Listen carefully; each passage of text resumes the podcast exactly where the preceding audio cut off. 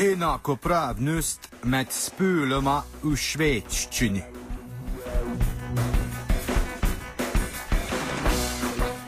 Švedska, znana po svoji visoki stopnji enakopravnosti med spoloma, eh, boj za enakopravnost premika tudi na področje švedskega jezika. V švedščino želijo namreč vključiti zaimek, ki bi bil neutralnega spola. Besedama han in hon, kar pomeni on in ona, bi švedi dodali še neutralno obarvan zaimek hen.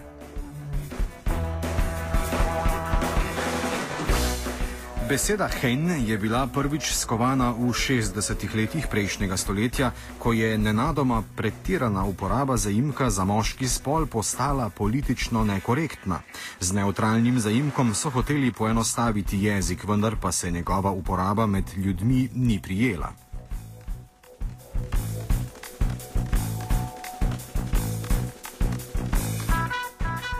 Beseda hen pa očitno spet postaja aktualna.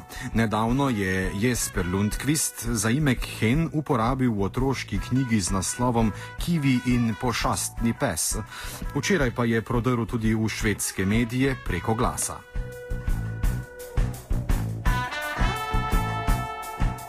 Pogovarjali smo se z Mari Tomičič, vodjo založbe Olika, ki je izdala knjigo Kivi in pošastni pes. No, there are two big newspapers in Sweden, and uh, yesterday it was a big um, commercial using uh, she, he, and then the Swedish word hen. And so I think it's uh, the, the, big companies, the commercial companies, are beginning to use the word hen. Zakaj pa upeljava neutralnega zaimka ravno v otroško knjigo, odgovarja Marij Tomičič. The thing we we always um, read the manuscripts to children before we publish them, and I mean the the children are mainly interested in the story. You know, what is this guy? What is is it a dog or not? And what is it doing? Um, and actually, children are much more keen on using new words. So uh, there was a there was a parent calling us to say that uh, her daughter she said like, "Oh, if I'm a girl and I want to play Batman, you know, then I can be a hen." So she found a way into being a Batman because usually the the boys told her she couldn't be a Batman because the Batman was a he. So then she said, "If I am a hen, I can be both." Kakšni pa so bili odzivi na izdajo knjige, govori Mari Tomičič. I think the reactions has been quite big and both positive and negative. And I think um, we have been debating a lot. And I think the, the, the thing is that some people, I mean, this gender issues is always um, much feelings involved in this because it's about identity. And it, some people think that if you start to use hen as a word, you have to become a hen, you know, and that's not the thing. It's a word which you can use if you want to, and if you don't want to, you don't need to use it. So it's quite, but I think it has to do with this gender that femininity and masculinity is loaded with so many aspects and so many feelings. So, so people get worried, you know, about these things. I think that's the thing. O pomenu upeljave neutralnega zaimka na švedskem smo se pogovarjali z novinarjem časopisa Svenska Dagbladet Andersem Björkmanom. Well, I think originally it was not, uh, uh, the suggestion was not to, uh, based on um, equal uh, rights for men and women or so. It was, uh, it was more, uh, that in some sometimes when you need to express something and you don't know whether it's a a man or woman you're talking about, it's just one person. Uh, it could be any any gender. Then then it's kind of uh, it's not that easy to express in Swedish. So the, originally the, the suggestion was just to, to uh, use a new word to not have to say he or she.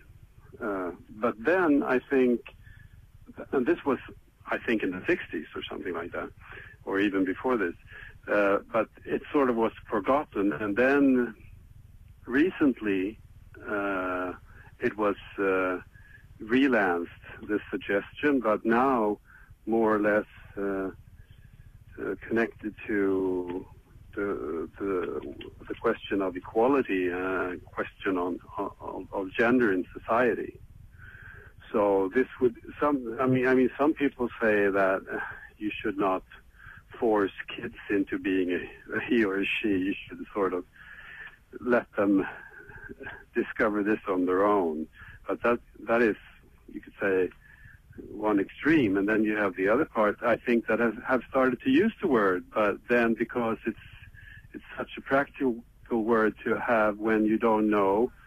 Uh, for instance, today they they the Swedish Academy uh, said that they will be telling us who will get the Nobel Prize this Thursday. And when we speak about this person, we don't know if it's he or she. It's really practical practical to say hen which is the Swedish word, the new word uh, for a person of any gender. Björkman odgovarja, zakaj je uporaba besede hen praktična. Yeah, well, uh, you know, some texts, uh, for instance, the law, you'll find that it always talks talk about talks about or writes about him it's always a he. And uh, of course, uh, uh, you, will find other texts like this, and um, and if you want to be really neutral concerning gender, it would be more practical. I'm not saying this is. I'm not sort of uh, saying that I support this, but but but of course I can see the practical use of the word. So and also that it might might uh, mean that uh, women or girls reading this text, for instance, the law, won't feel that this is not about me. It's all it's always about men. So in that aspect, of course, it, it could be it could be also of use when it ter- comes to terms of equality. But on, on the other hand, it's it's it's more or less uh, theoretically. I mean, it's not really it's not real life. It's more it's more how women, uh, well, how texts could make people feel when they read it. You know, uh, for mm-hmm. instance, mm-hmm. if it's always about men, him. I mean, for instance, you, you'll find that in any language that there are some words. In English, man is is the same uh, word. Well, it's the word you use when you want to say human or mankind.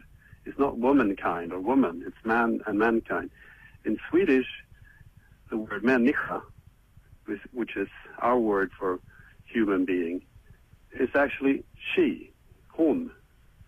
So it's it's hard to to make the the language really equal or neutral. And I think maybe the language will get a little bit more less interesting a little bit more boring if you try to take all these, these edges out of it. O praktičnosti zaimka Hen govori tudi Ana Antonson z švedskega sveta za jezik. Um, I think the Swedish speakers, uh, well, some of the Swedish speakers have decided that it would be very practical to have a gender neutral pr pronoun. Actually, it's been in use um, several uh, uh, since the 70s actually, but only among some people, like uh, linguists. Um, and now, uh, this spring, uh, an author wrote a children's book using this pronoun, uh, which started this debate. And since then, it's been more and more common, and it's still a very heated debate in Sweden.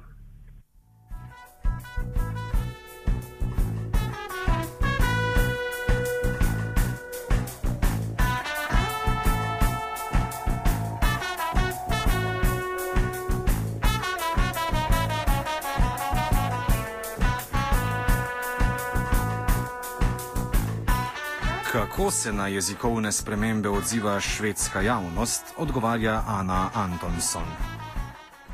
Yes, but I think this is um, it's part of the um, the very core of language. Um, the, the pronoun system is very uh, stable, and it's been, uh, there have been these two pronouns, uh, he and she, for a long, long time. And when you start changing that, people are going to react. Um, so I think even though the Swedish uh, people are tolerant um, in general, I think this is when you start changing something so so um, so much in the heart of the language, people will react. Um, and also, it's also um, some people think that it's more to do with the gender roles than actual language use, and uh, some people think that uh, that uh, it's a way to try to change uh, the way men and women um, gender roles, actual gender roles, and I don't think the Swedish people, all of them, aren't that tolerant to that yet. I think.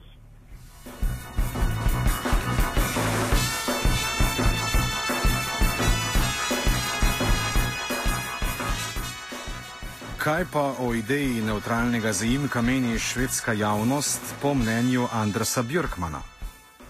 Well, I would say that the majority probably think that this is a bit ridiculous.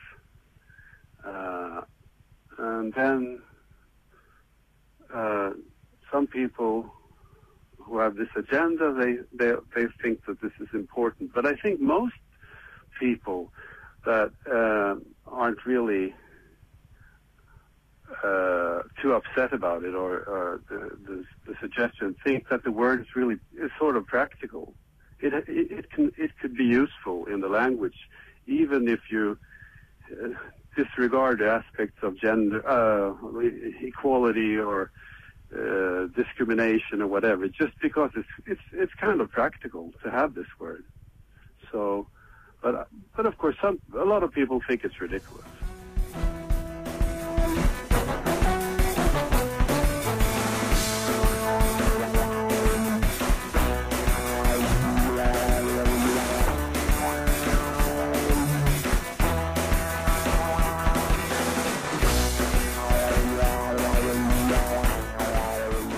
ljudje že uporabljajo zaimek hen, nadaljuje Ana Antonson. People are already using it in everyday language, um, I, um, especially on Twitter, um, blogs. Um, I think mostly written language. For some people, it's very natural to use hen.